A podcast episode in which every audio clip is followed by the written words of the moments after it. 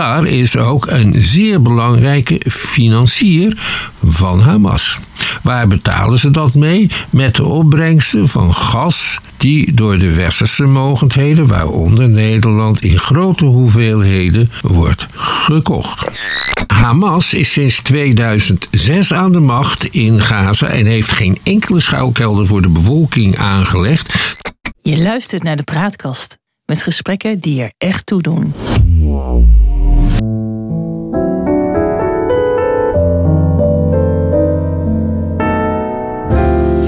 Welkom bij de Praatkast.nl. Dit is een aflevering van het Geheugenpaleis. Mijn naam is John Knierim en samen met historicus Han van der Horst maken we deze podcast. De geschiedenis die herhaalt zich nooit, maar Rijmer dat doet hij vaak wel. En dat gegeven gebruiken we in het Geheugenpaleis om dieper in te gaan op de actualiteit. En om zo te ontkomen aan de waan van de dag en om tot de kern van het nieuws te komen. Dit is aflevering 104. De oorlog in Israël is ook een informatieoorlog en daar gaan we het vandaag over hebben.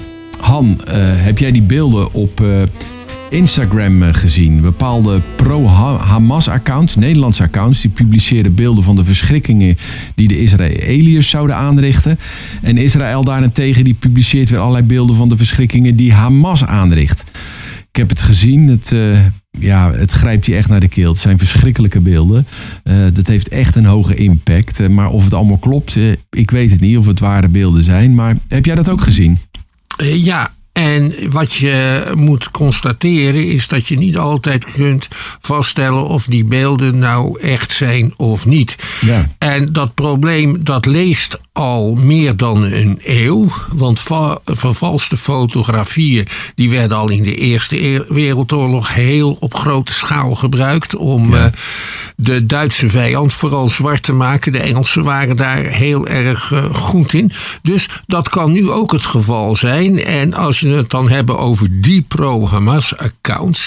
Uh, het is niet zo moeilijk om een pro-Hamas-account of wat voor een account dan ook in het leven te roepen. Ja. En er is dan ook een grote menigte bezig op de sociale media om overal fotootjes vandaan te halen en daar ja. een eigen onderschrift bij te verzinnen.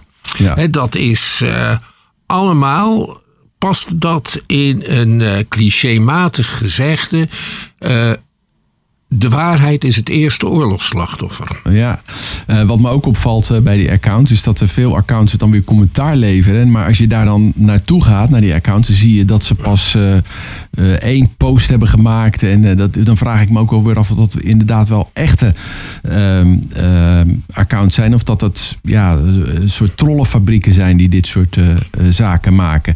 Ja, het is eigenlijk allemaal een beetje dat, dat wat nou waar is en niet waar is belangrijk geworden. Ook in, in, het, in het gesprek naar aanleiding van die bom op dat ziekenhuis. Waarvan de NRC en de NOS direct wisten te melden dat dat uh, door Israël veroorzaakt was. Maar dat in tweede instantie toch een beetje anders uh, in elkaar uh, zat. Zonder dat ze daar nou ja, op een hele elegante wijze hun excuus weer voor hebben aangeboden. Het is, het is echt een, een heel precair gebeuren waar we mee zitten.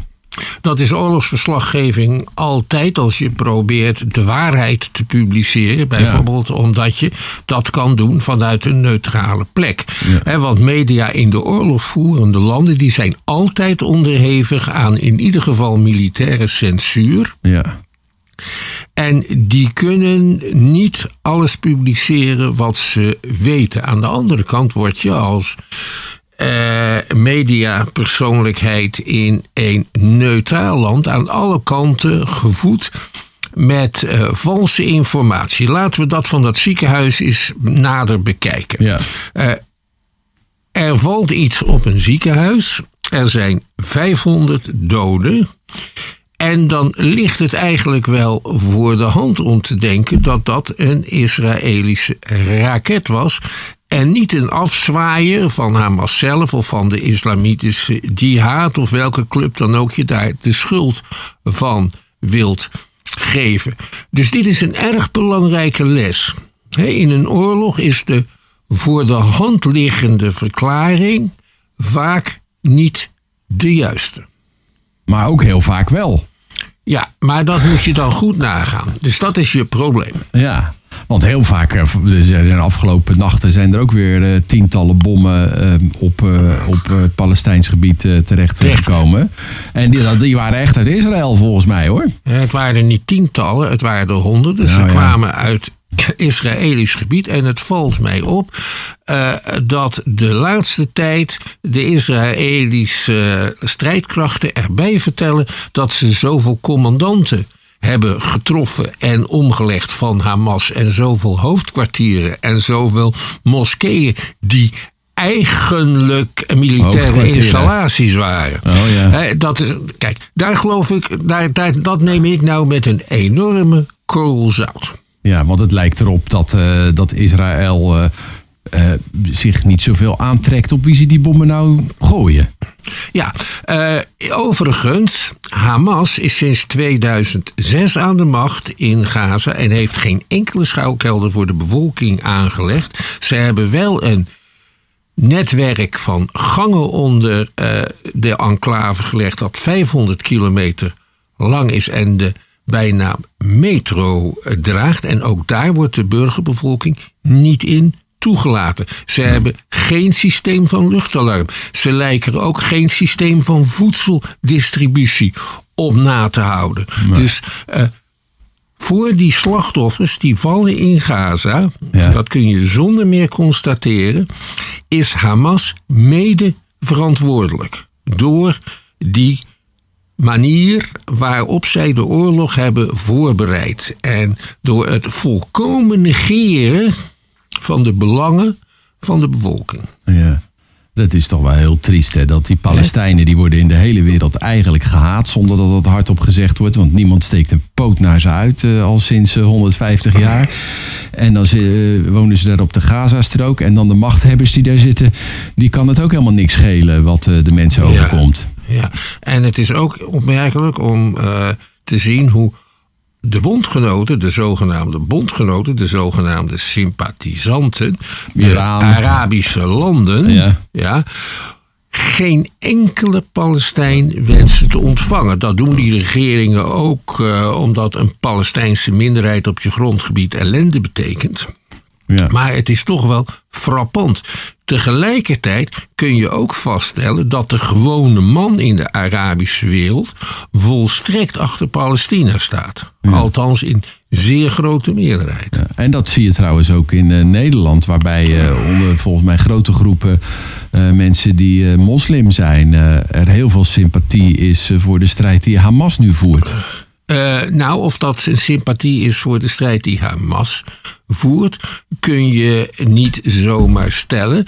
Eh, je kunt denk ik wel stellen eh, dat je ze kwaad krijgt als je, of dat ze uitvluchten gaan zoeken als je zegt waarom heeft Hamas nooit schuilkelders gebouwd. Ja, daar gaan ze geen antwoord op geven Ja. natuurlijk. Nee. En bovendien zijn het niet alleen moslims. Je ziet dat een groot deel van de intelligentsia en de culturele wereld zich nu van Israël afkeert. Ja. Eh, kijk bijvoorbeeld naar de brief die al die filmmakers hebben verspreid. Waarin ze de regering vragen het gedrag van Israël ondubbelzinnig te veroordelen. Ja. Je kan eigenlijk eh, geen standpunt innemen of enige nuance aanbrengen, want je wordt gelijk in een kamp eh, geduwd. Maar het moet toch mogelijk zijn om de daden van Hamas eh, met grote stelligheid af te wijzen en te veroordelen. En tegelijkertijd te zeggen, we vinden het ook niet fijn wat Israël nu aan het doen is. Eh, Dat zou natuurlijk eh, mogelijk zijn, dat zou ook moeten. En in veel gevallen gebeurt dat ook wel een Ja. beetje. Dan heb je een paar eh, gratuite, clichématige zinnen waarin ook Hamas wordt veroordeeld. Ja. Maar we moeten ons dan ook meteen Johan Derksen in herinnering roepen. Ja. Die zei, de Joden hebben het er ook wel een beetje zelf naar gemaakt. En dat vind je in heel veel varianten, soms heel intellectueel en subtiel geformuleerd, terug in de verklaringen en de uitspraken en de artikelen van mensen die het voor de Palestijnen opnemen. Ja.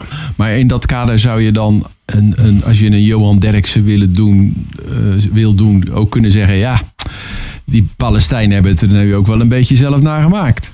Ja, dat is de andere kant van het verhaal. Het, het boeiende van deze oorlog is weer eh, dat de wederzijdse verwijten heel erg op elkaar lijken. Ja.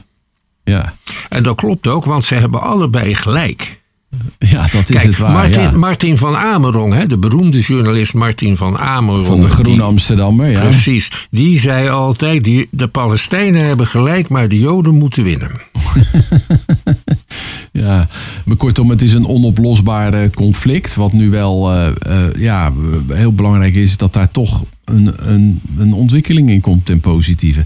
Maar Ja. goed, we gingen het hebben over de, de berichtgeving. En, en nou ja, we zagen dat bij dat ziekenhuis. We zien dat nu ook eh, eh, van de week is eh, Rutte in Israël geweest. En daar heeft hij een heel genuanceerd standpunt uiteindelijk verteld aan de pers. Maar wat verschijnt er in de Israëlische pers? Alleen maar dat Rutte voor 100% achter Israël staat. En de nuance daarachter, die laten ze dan weer weg. En zo pikt iedereen een beetje eruit.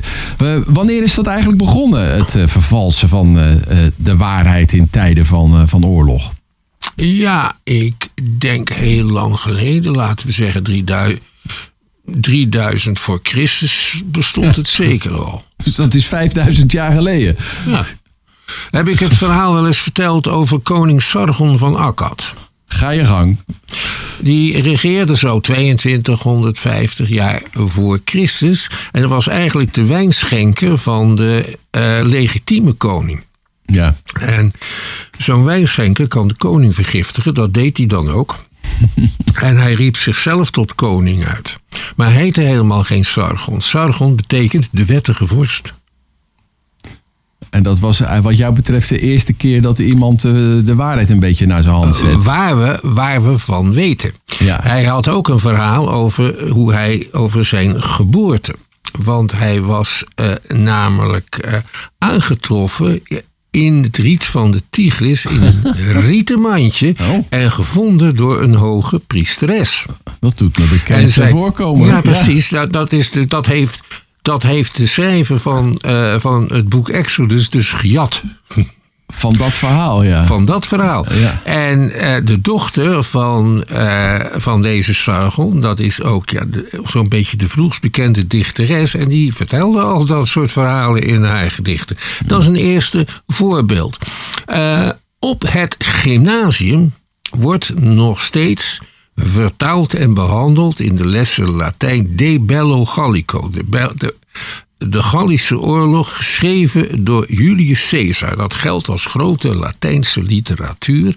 En daarin beschrijft Caesar zelf zijn veldtocht tegen de Galliërs die in Frankrijk en België en het zuiden van Nederland woonden.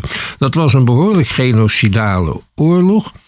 En elk jaar schreef Caesar eh, een verslag van de gebeurtenissen en dat werd dan in Rome in zalen voorgelezen. En het was allemaal propaganda, want er komen ook allerlei officieren van hem bijvoorbeeld in voor. En voor zover die officieren geen politieke aanhangers waren van Caesar, halen ze domheden uit, zijn ze laf enzovoorts. Ja, ja. Ja, en één keer is Caesar te ver gegaan, want toen had hij geschreven dat hij 150.000 eh Germanen over de kling had laten jagen. en toen heeft Cicero in de Senaat het woord genomen, de bekende advocaat Cicero, en toen gezegd dat dit een misdaad was en dat Caesar aan de Germanen moest worden uitgeleverd. En wat gebeurde is- er toen? Eh, nou, hij kreeg eh, de meerderheid van de Senaat niet mee.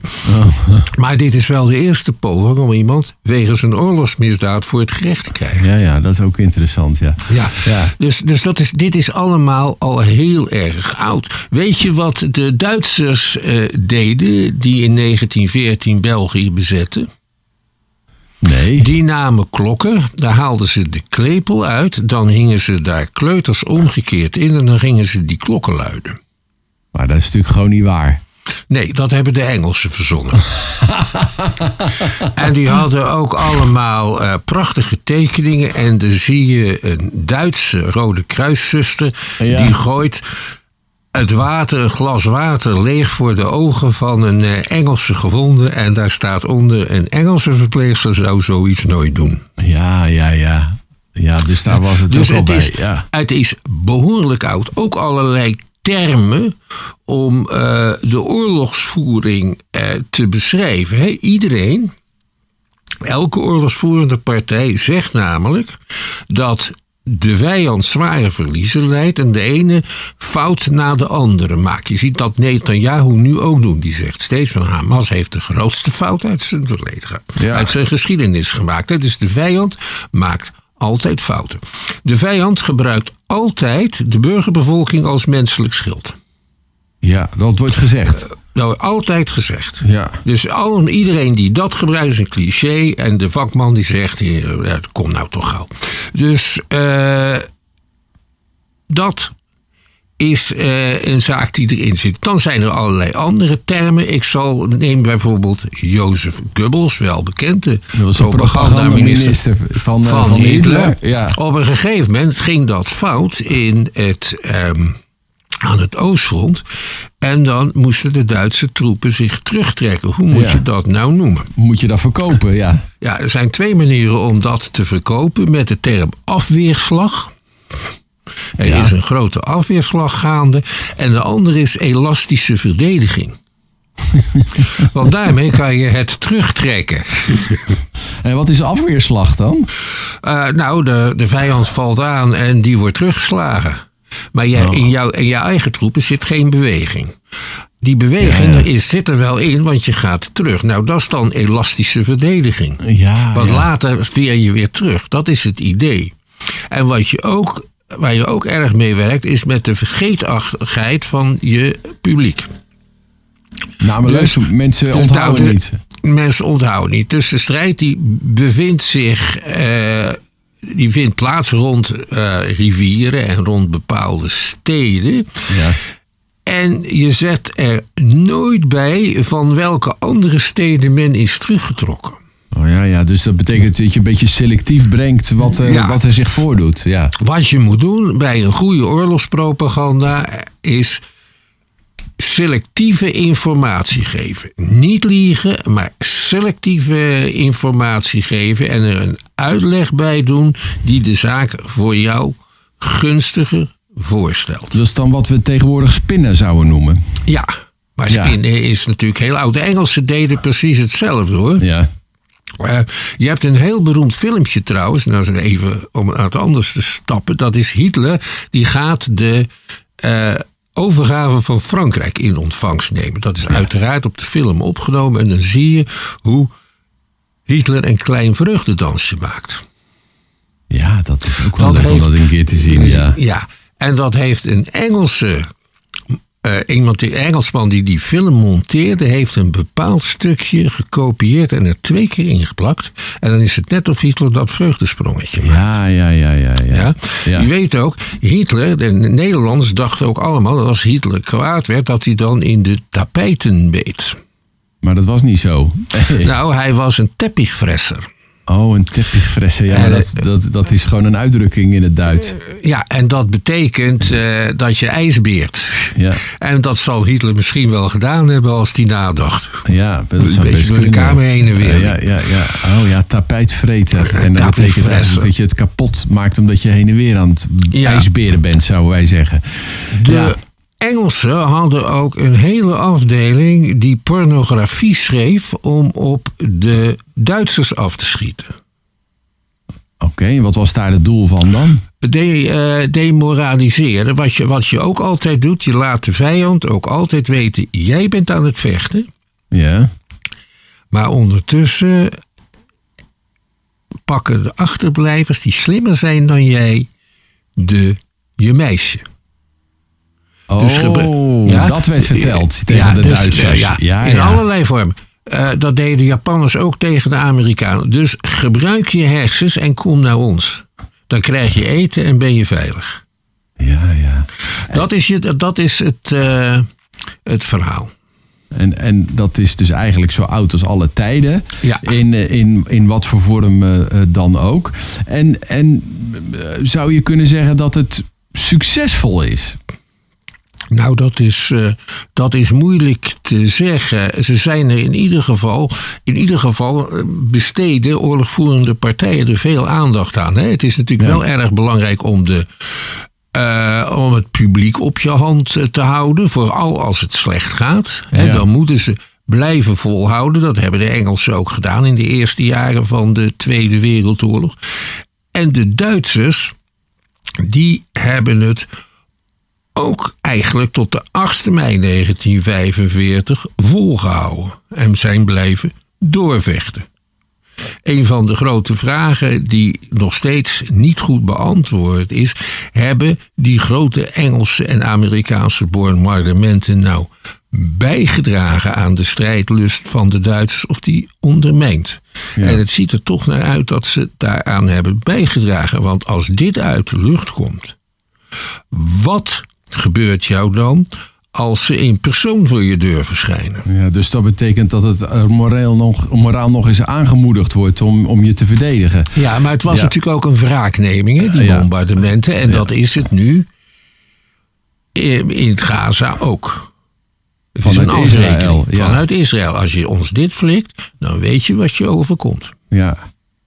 Ja. En, en dat hangt natuurlijk ook samen met het, de, de, de interne politiek van, uh, van Israël, waarmee, ja. waarin Bibi Netanyahu uh, als mister uh, veiligheid bekend staat. Ja. En die heeft het volk nu laten zakken. Dit is het gewoon het einde van zijn politieke loopbaan na deze ja, oorlog. Dat kan hij, hij heeft volkomen, volkomen gefaald. Ja. overigens, er is een enquête gehouden die, waarvan de BBC de uitslag bekend heeft gemaakt. Ja.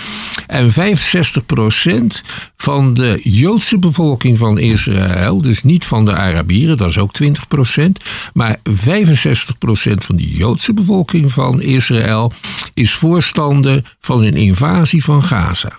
21% is er tegen en 14% weet het niet. Dus dat betekent dat maar twee derde van de bevolking, zonder dat je de Arabieren meetelt, een voorstander is van deze aanpak. En dat is best weinig in een noodsituatie ja. uh, als die waarin Israël zich nu bevindt. Best weinig. Ja. Ja, dus jij zegt het, uh, er is eigenlijk onvoldoende draagvlak in, uh, in Israël. Het draagvlak, het draagvlak is voor de omstandigheden klein. Te, ja, ja. En, en wat nu ook duidelijk wordt, is dat die politiek van Israël, waarbij ze dachten van, nou ja, we zorgen dat Hamas en Fatah die op de Westbank zit, twee Palestijnse groepen, dat die het een beetje oneens blijven met elkaar. Want dan blijft die twee-staten-oplossing uiteindelijk uit beeld. Dat kan je nou toch ook wel zeggen dat dat een enorme misrekening is. Dat is ook een enorme misrekening. Dat was het ook van het begin af aan. Ja. En Israël zal alleen maar rust krijgen als er een Palestijnse staat bestaat. En omgekeerd zullen de Palestijnen alleen maar rust hebben als zij tevreden zijn met een staat naast Israël. En dan kunnen we over een eeuw nog wel eens kijken, uh, kijken of er een fusie mogelijk is via allerlei stadia. Ja, ja dat is dan wel heel erg ver in de toekomst uh, gekeken. Ja. ja. Maar um, let ja. op, Duitsland is nu een, een erkend lid van de Europese Unie en een zeer gewaardeerd lid van de Europese Unie. En daar hebben ze toch ook zeker een jaar of zeventig over gedaan na de Tweede Wereldoorlog om het zover te krijgen. En nog zijn er anti-Duitse gevoelens. Kijk naar de manier waarop bijvoorbeeld Polen omgaat met de Duitse regering. Dus dat, nee, dat zijn, dat zijn heel langdurige processen. Daar ja. moet je de tijd voor nemen. Maar eerst moeten ze ophouden met met elkaar te bevechten. Ja, nou, dat zal voorlopig nog wel even doorgaan. Maar de informatieoorlog uh, gaat ook door. door. Wat denk je dat de gevolgen zijn voor de Nederlandse maatschappij met die, met die beelden waar, waarin toch. Ja, waar niet geverifieerde beelden, waarin een eenzijdige kant van het verhaal uh, verteld uh, wordt. Want ik ben toch ook wel behoorlijk geschrokken van die pro-Hamas-demonstraties ja. die er hebben plaatsgevonden. Hoe kan je nou. Hoe kan je nou voor het vermoorden van onschuldige mensen zijn. En dat als een, als een soort overwinning zien. Dat gaat er bij mij gewoon niet in. Nee, precies. Maar datzelfde zal een deelnemer aan die demonstratie tegen jou vertellen. Exact hetzelfde. Ja. En dan heeft hij nog gelijk ook. We weten, in die demonstratie werden, demonstraties werden voornamelijk Palestijnse vlaggen meegedragen. Dus nationale vlaggen. En er was ook wel hier en daar iemand met een Hamas-vlag. Eh, dat waren er niet zoveel. Dus je weet niet precies hoe die mensen daarover denken. Ik denk weinig genuanceerd, maar dat is alleen maar giswerk. Er is in, eh, op het plein 1945, 1945 in Amsterdam een demonstratie geweest. Georganiseerd door een club die, meen ik, heet Hizb Tahrir of zo. Ik weet niet of ik dat goed uitspreek, maar dat is een internationale partij die een islamitische wereld wil en een tegenstander is van de democratie. En die hadden een paar honderd mensen en die stonden daar met allerlei merkwaardige vlaggen te demonstreren. En Annabel Nanninga stond erbij om zich daarover op te, winnen. Dat was niet zo'n grote demonstratie. Uh, wat het gevaar is op het moment, is dat er in Nederland een heftige tweedeling ontstaat tussen pro-Israël en pro-Palestijnen, zonder dat de waarheid ertoe doet, maar twee partijen die elk hun eigen waarheid hebben, dat dat de verkiezingen van 22 november gaat bederven. Ja.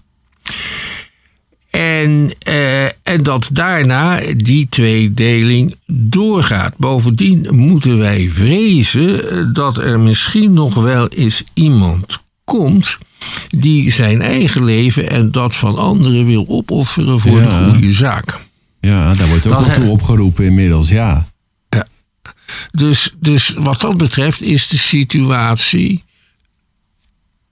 niet gunstig. Het enige wat we als individu kunnen doen, is op zoek gaan naar de waarheid, naar wat er werkelijk is gebeurd. Nou heb ik zelf een boek geschreven over nepnieuws. Ja. Met de eenvoudige titel Nepnieuws. Uitgegeven door uitgeverij Scriptum. Koop dat boek. En daar staan een aantal tips.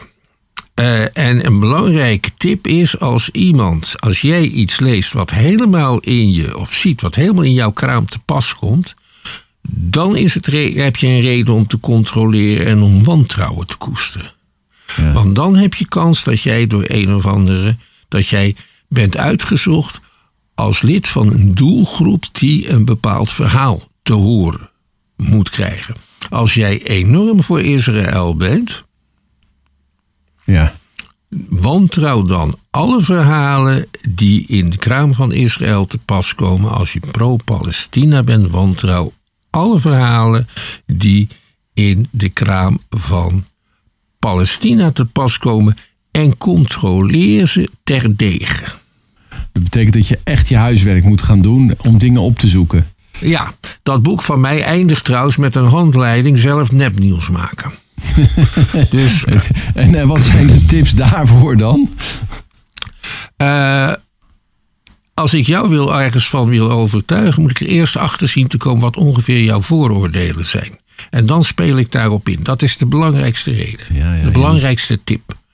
En dan uh, een zeker soort vaagheid in plaatsen en locaties. Dus wij hebben op vele plekken commandanten van uh, Hamas uh, omgelegd. Ja, niet te Wie dan? Ja. Waar dan? Ja. ja. Hoeveel eigenlijk? Ja, ja veel.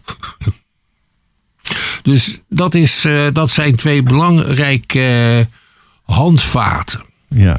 Kijk naar een hoop media en proberen erachter te komen waar de sympathie van die media zit. Ja, precies. Precies. Precies, dus dat je echt probeert te kijken met vanuit welk perspectief is dit geschreven. Besef eh, dat dit een rare wereld is. Hè? Dus Hamas heeft zijn hoofdkantoor met de politieke leiders in Doha, de hoofdstad van, Qatar. En Qatar is ook een zeer belangrijke financier van Hamas.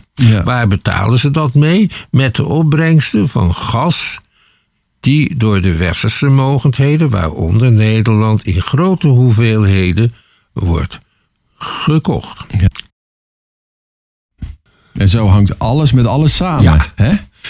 En wij moeten ons als individu niet laten belazeren.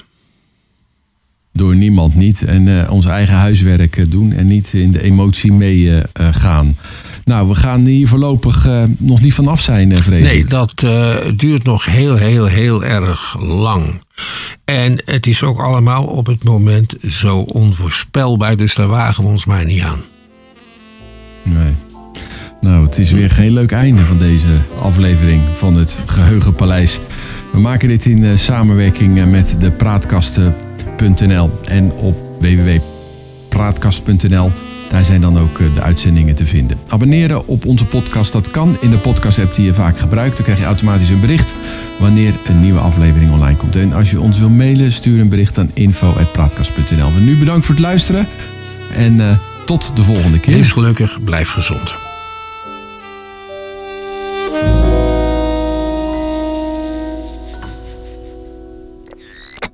De praatkast.